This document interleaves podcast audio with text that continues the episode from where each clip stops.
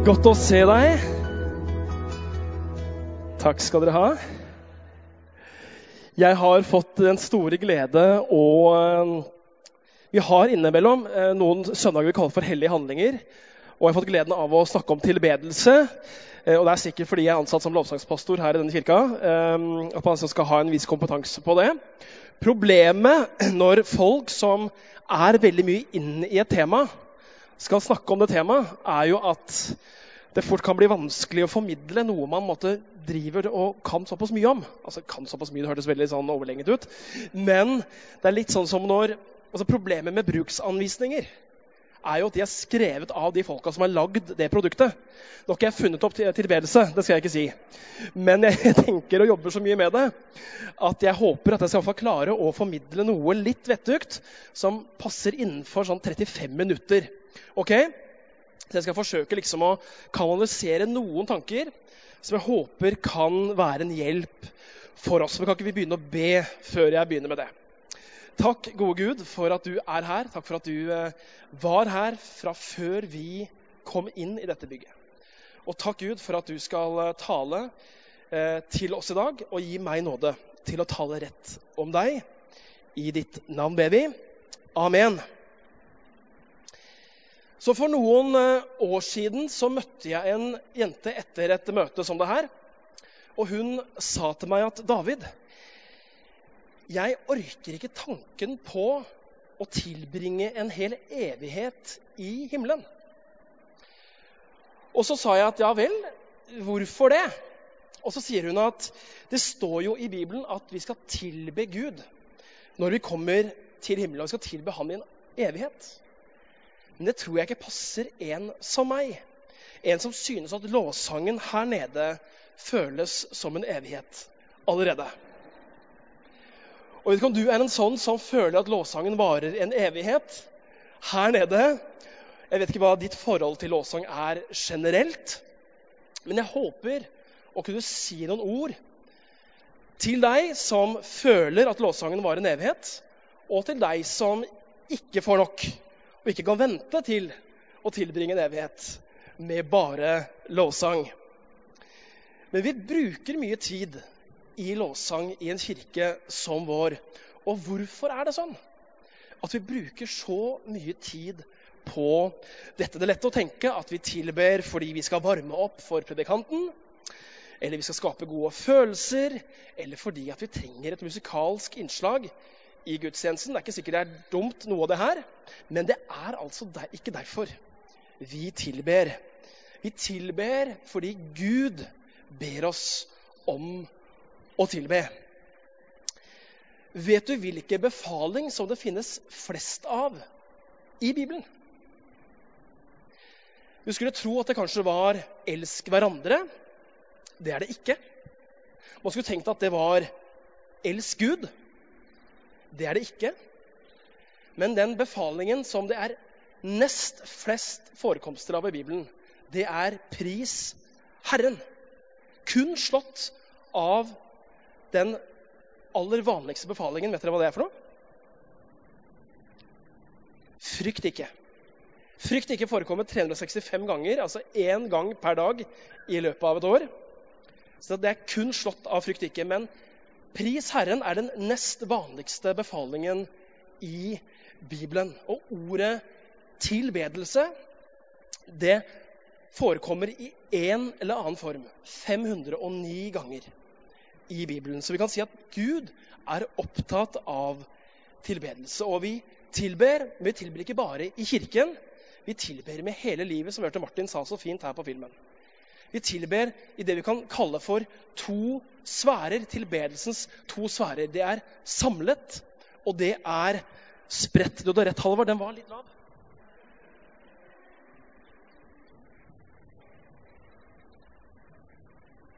Jeg stilte den inn selv, skjønner du, og så tulla jeg med Halvard. Så sa Halvard den er altfor lav. Og sa nei, jeg er mye lavere enn du tror. Men jeg var ikke så lav, altså. Så nå er det bedre.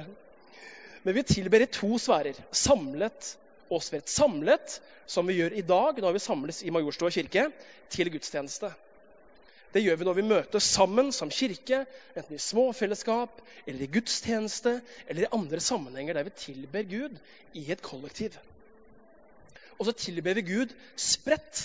Det er når vi går ut av de dørene inn i vår hverdag og tar med oss tilbedelsen inn i våre hverdagsliv. Og det finnes mange uttrykk for tilbedelse, mange ulike former for tilbedelse som vi kan ta del i, enten når vi møtes, samles, eller når vi lever livene våre spredt. Og mange av disse uttrykkene er ikke engang tilknyttet musikk.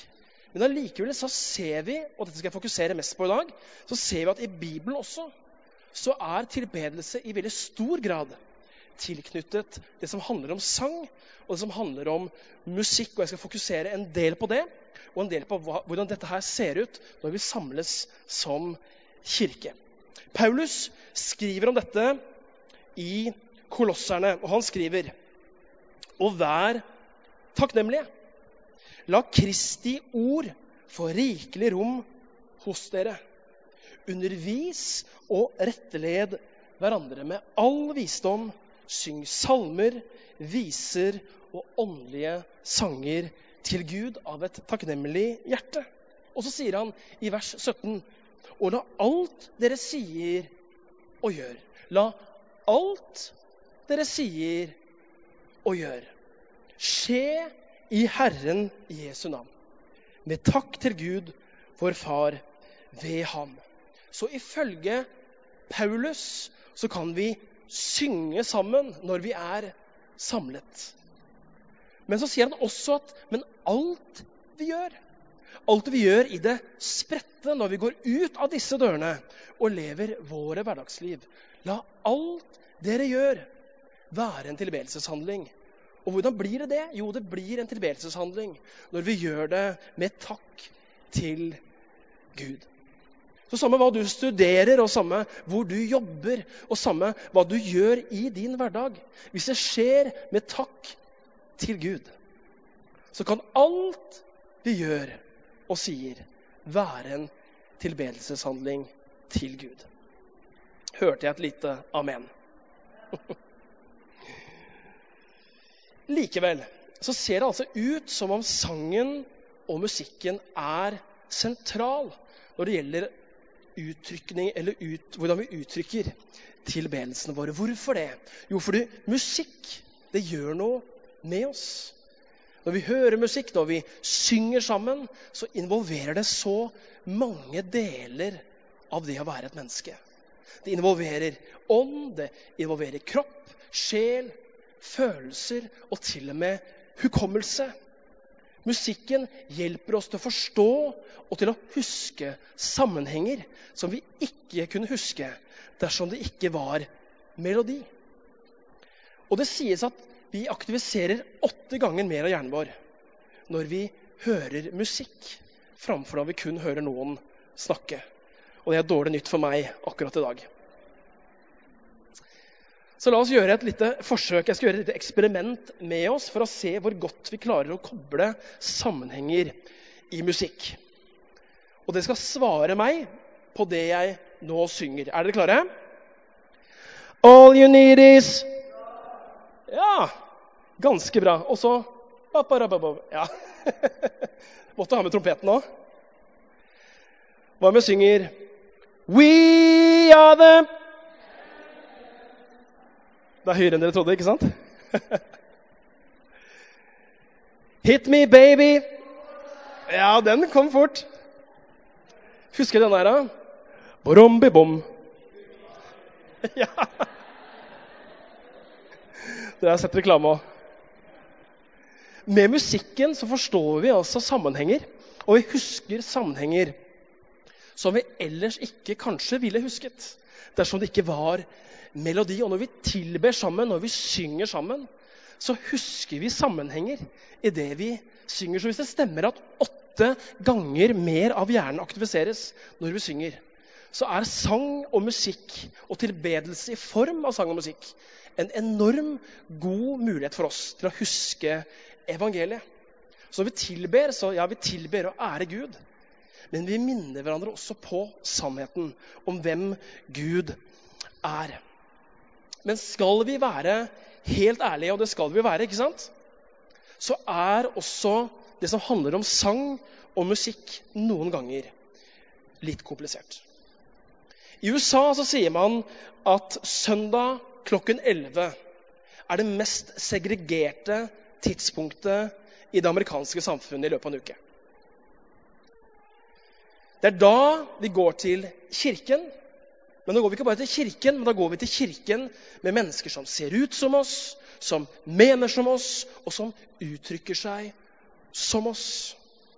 Og skal vi brekke det ned og ta det inn i vår egen sammenheng, så kan vi kanskje si at tiden vi bruker i tilbedelse i en gudstjeneste, er det mest segregerte øyeblikket. For det er under tilbedelsen som noen av oss definerer seg utenfor eller innenfor det som skjer. Det vi alle, uansett vårt forhold til sang, musikk, tilbedelse, så kan vi alle være enig i at det er et ideal for oss, og det er et ønske for oss om at tiden vi har i tilbedelse sammen, skal være en stund der vi i større grad fokuserer på det som samler oss. At det ikke er et øyeblikk som preges av segregering, men at det er et øyeblikk som preges av felles involvering i tilbedelse. Derfor så lanserer jeg løsningen her i dag. Og det har jeg kalt for tredimensjonal tilbedelse. Wow! Grunnen til at enkelte ikke trives i den kollektive lovsangen, kan være at den kollektive lovsangen kan oppleves som nok en prestasjonsarena. Og det står den i fare for å bli dersom vi forholder oss til lovsang og tilbedelse som enveiskommunikasjon.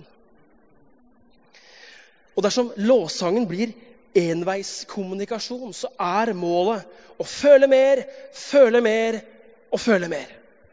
Og føler vi ikke mer, så må vi mene det mer, mene det mer, mene det mer. Og dersom ikke vi klarer å mene det mer, så må vi prøve mer, prøve mer, prøve mer. Og hvis dette er forholdet mange av oss har til lovsang, så forstår jeg at vi kommer i trøbbel når vi samles for å tilbe. For en sånn tilbedelse, der vi skal mene mer, prøve mer, forsøke mer, det handler om egne prestasjoner. Det handler om hvor godt vi klarer det, hvor mye vi føler det, hvor høyt vi løfter hendene. Og så kan vi stå i fare for å dele oss selv eller andre inn i A- og B-lag. Og Det kan gjøre noe med vårt forhold til hverandre, og i verste fall gjøre noe med vårt forhold til Gud. Så hvordan ser en sånn tredimensjonal tilbedelse ut? Jo, Den første dimensjonen er dette at Gud har elsket oss først. Dette er de gode nyhetene for deg som føler at tilbedelse noen ganger kan være litt strevsomt. Den tredimensjonale tilbedelsen, den begynner ikke med oss. Så når vi begynner å tilbe, så baserer det seg ikke på vårt eget initiativ, på våre egne evner, talenter, sangstemmer eller våre egne følelser. Nei, Gud har allerede tatt initiativet. Og det koker ned til dette enkle verset fra Johannes 4, 19. Vi elsker fordi Han elsket oss først. Vi elsker fordi, står det. Det er et fordi det er en grunn til at vi er i stand til å elske i det hele tatt.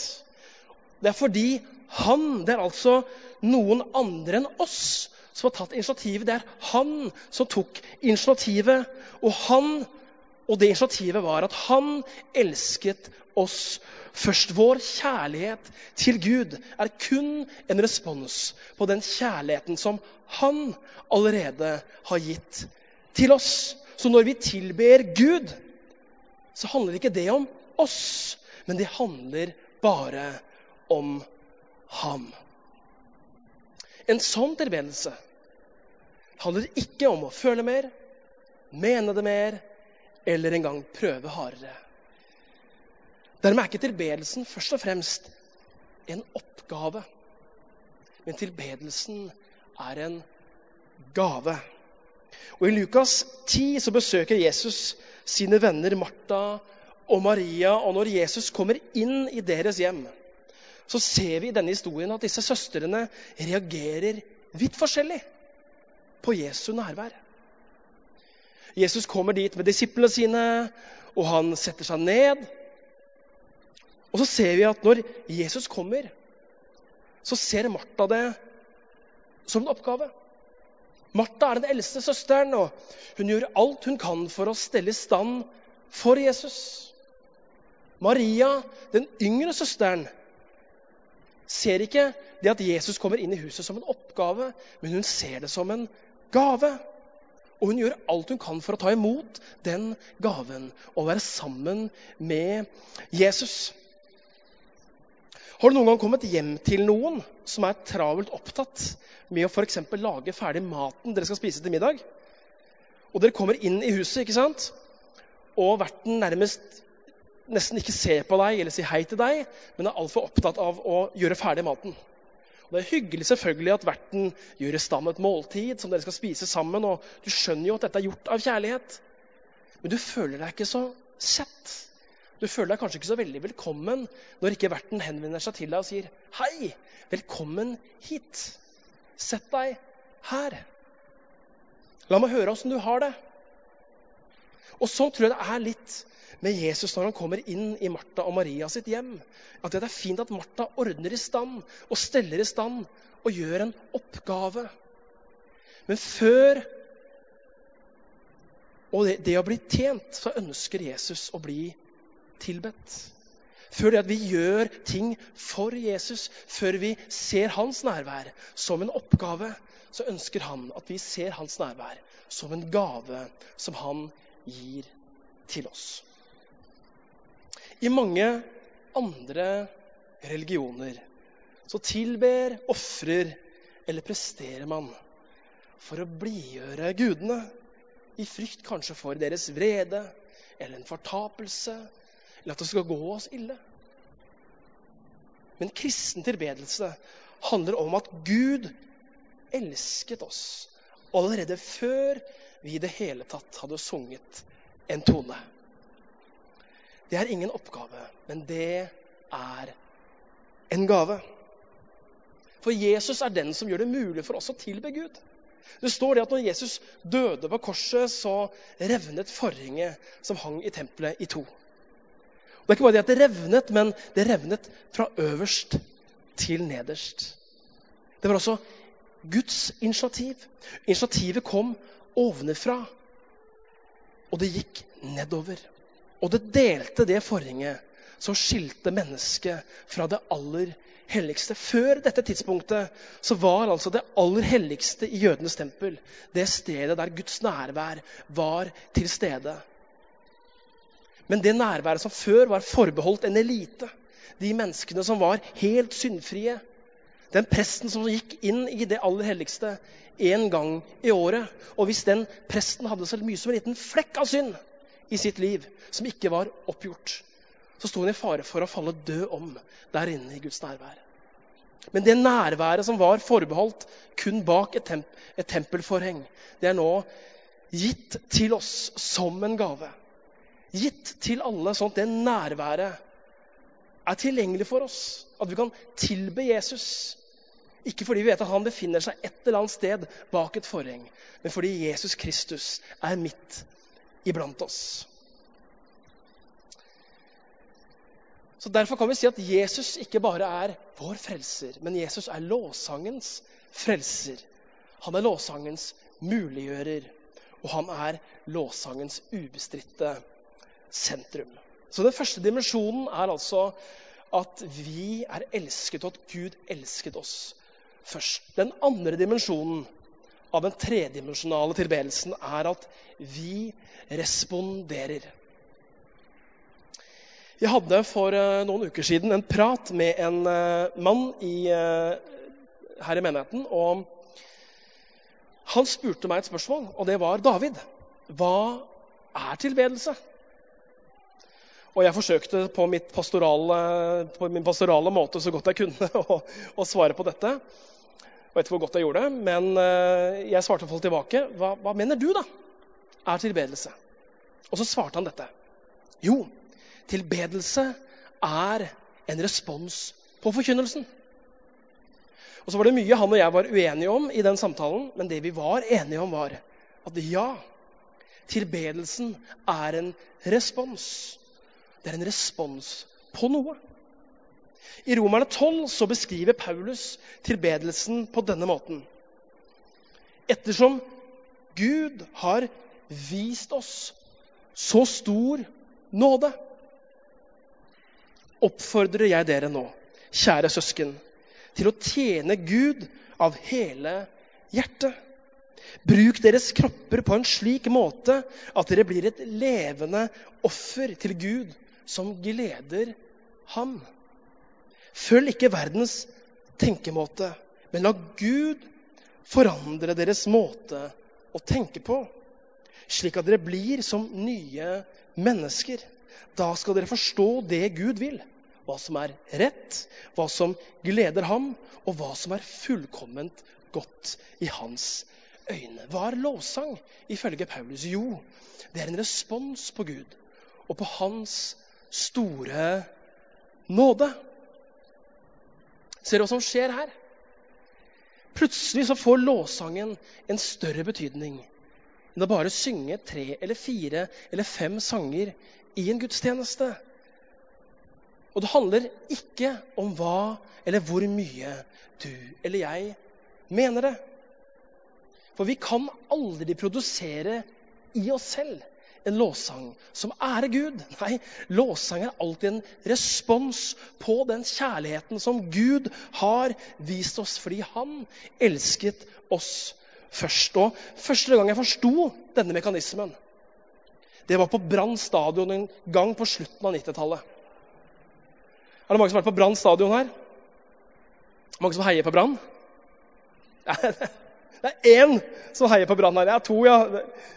Du var litt, du ville ikke helt innrømme det? To Brann-supportere her inne. Ok.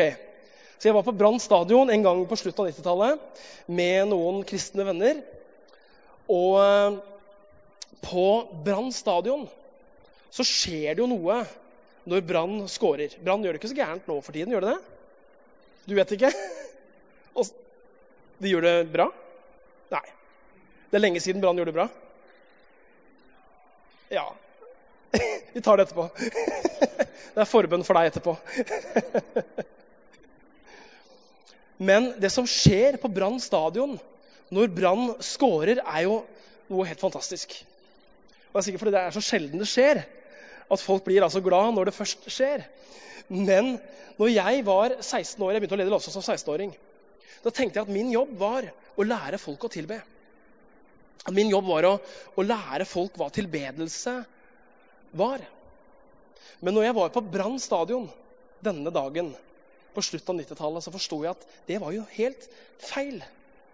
For når Brann scorer på Brann stadion, så er det ikke noe forskjell på folk. Det er ikke noe forskjell på de sjenerte og de utadvendte, de høylytte eller de lavmælte. Ja, det finnes kanskje ikke lavmælte bergensere sånn generelt. Men det er altså ingen Brann-supporter som ser Brann skåre og sier Jeg så ballen gikk i mål, men jeg tror jeg blir sittende her, jeg. Og det er ingen Brann-supporter som sier at jeg vet, nå vet jeg vi leder over Rosenborg, men eh, jeg føler ikke for å rope akkurat nå. Eller det er ingen som sier 'jeg har litt vondt i halsen', så jeg tror jeg sparer den sangen til seinere. Nei da. Når Brann scorer på Brann stadion, hva skjer da? Jo, alle er på beina, alle roper, alle danser, alle synger, alle synger. Byen er Bergen, og laget er Brann. Stedet er stadion. Syng med, alle mann. Heia Brann! Brann! Det satt ikke så godt som byggmaker. Det jeg lærte på Brann stadion, det var at tilbedelse det ligger som en refleks det, i alle mennesker. Når vi ser noe som vekker vår beundring, når vi ser noe som griper våre hjerter, så kan vi ikke annet enn å respondere med tilbedelse. Lovsang, tilbedelse, oppstår ikke i et vakuum. Nei, det oppstår som respons på noe annet. Og tilber vi ikke Gud, så er det ikke sånn at vi ikke tilber noen ting. Nei da. Da tilber vi hva som helst. Og Eksemplene på det er mange. F.eks. når Moses var på fjellet for å motta de ti bud, så synes Israelsfolket at Moses brukte litt lang tid der oppe på fjellet med Gud. Og derfor så samlet de sammen gull, og de smeltet det om, og de lagde seg en gullkalv. For de tenkte at det antagelig var bedre å tilbe en gullkalv som de kunne se, enn en gud som de ikke kunne se. Og her har vi det igjen at tilbedelsen er en respons på det vi ser.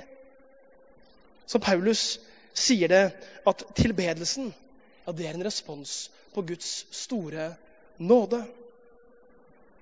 Og sannheten om deg og meg er at vi som oftest tilber det som ligger nærmest oss, det som ligger rett foran øynene våre.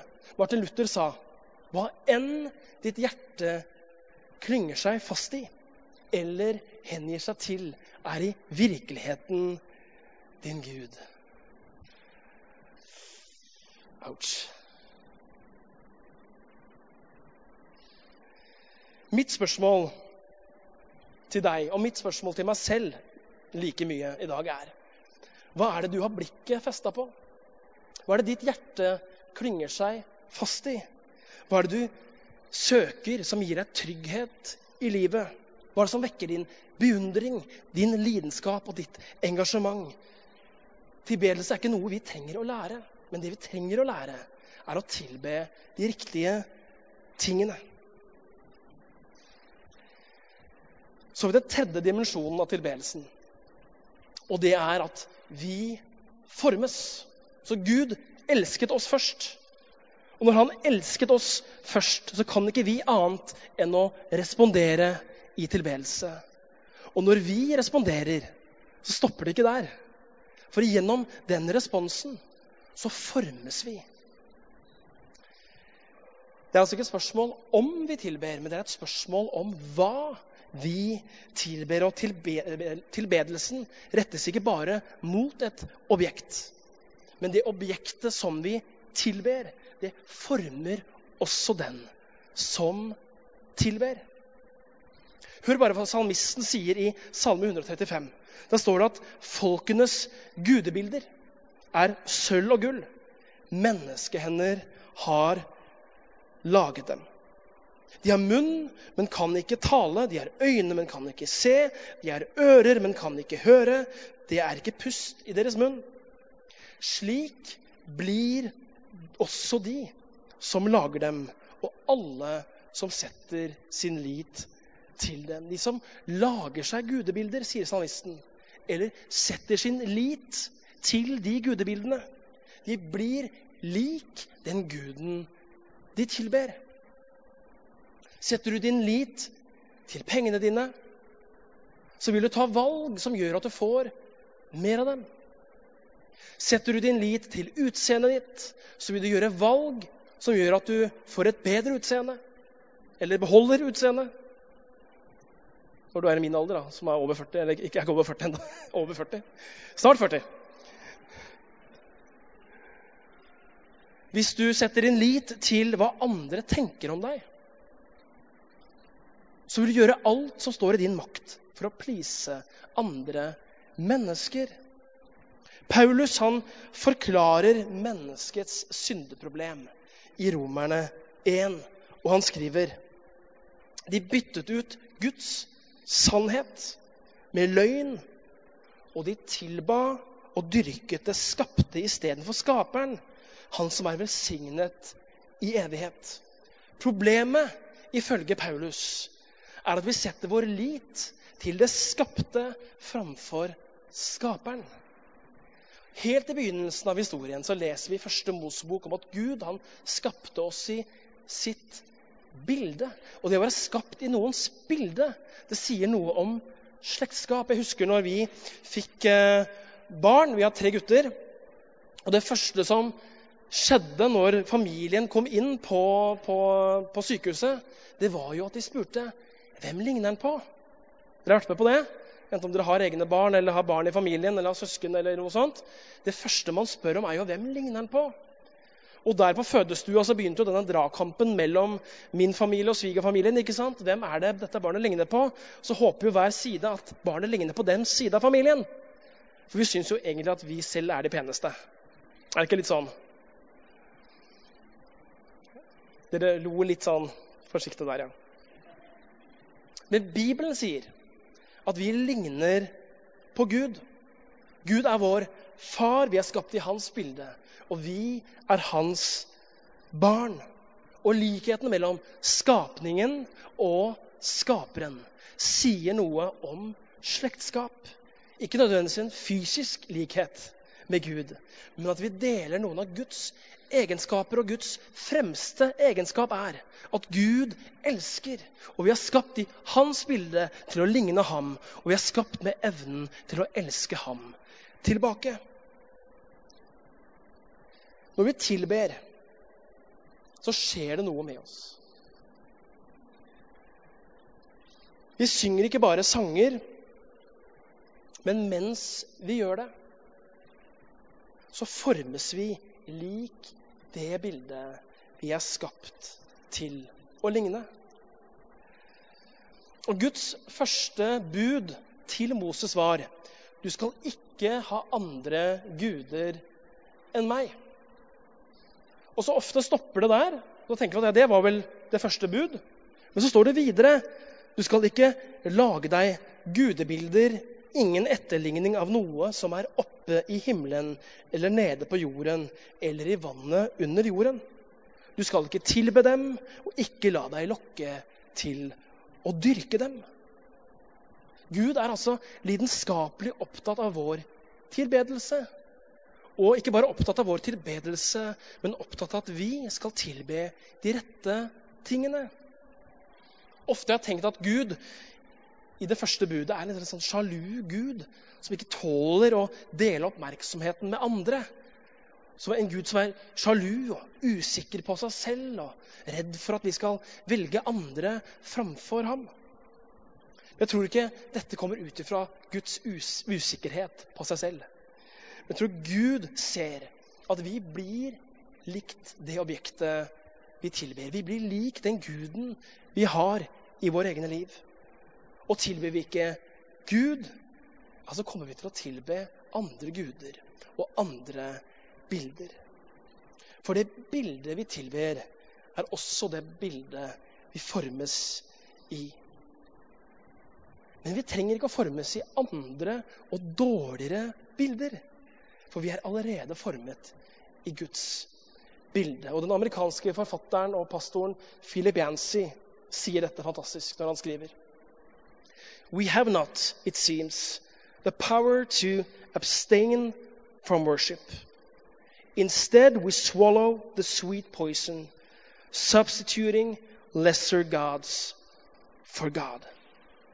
Alle andre guder enn Gud er en dårligere gud. Alle andre guder kan kanskje tilfredsstille oss på kort sikt, men ingen andre guder kan frelse vår sjel og føre oss tilbake til det bildet vi er skapt i. Og Dersom vi ønsker å formes til Guds bilde, så er det essensielt at vi i vår tilbedelse og i våre liv holder blikket festet på Jesus Kristus, setter vår lit til ham, setter vårt håp til ham og gir all vår ære til ham. Da handler ikke tilbedelsen om å føle mer, mene mer eller prøve mer men det handler tilbedelsen om å forvandles mer. Til slutt Som lovsangsleder så er et av mine største mål å gjøre meg selv overflødig. Og med det så mener jeg at min og andre lovsangslederes oppgave er å gjerne stå her framme og lede en forsamling i tilbedelse. Og det trenger vi jo fordi at vi trenger ofte å bli ledet. Vi trenger at noen går litt foran, at noen drar oss litt i gang, får oss opp, peker en retning. Og det er vel og bra. Men alt vi gjør i tilbedelse, handler om å se Jesus og oppdage hvem han er. Og respondere på hans nåde og formes i hans bilde. Og mitt drøm og mitt mål som lovsangsleder er å gjøre meg selv overflødig på den måten at vi gjennom vår tilbedelse, den tilbedelsen som skjer når vi samles, og den tilbedelsen som skjer når vi lever spredt, at alt det skal være nok til å forstå hva Jesus har gjort for oss. At tilbedelsen skal ligge i oss som noe som blir en naturlig respons på det vi har sett og hørt av ham. Og Jeg tror ikke vi skal være så veldig bekymret for det som skjer når vi en dag kommer til himmelen. Og for deg som er redd for en evighet med lovsang. Jeg tror ikke at det vil oppleves som en evighet.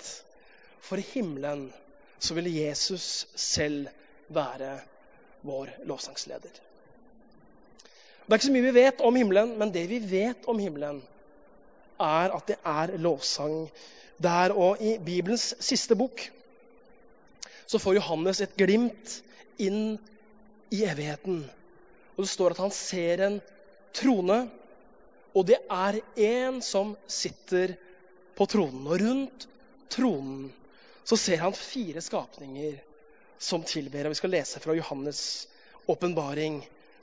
Der står det Natt og dag roper de uten stans. Hellig, hellig, hellig er Herren Gud, den allmektige.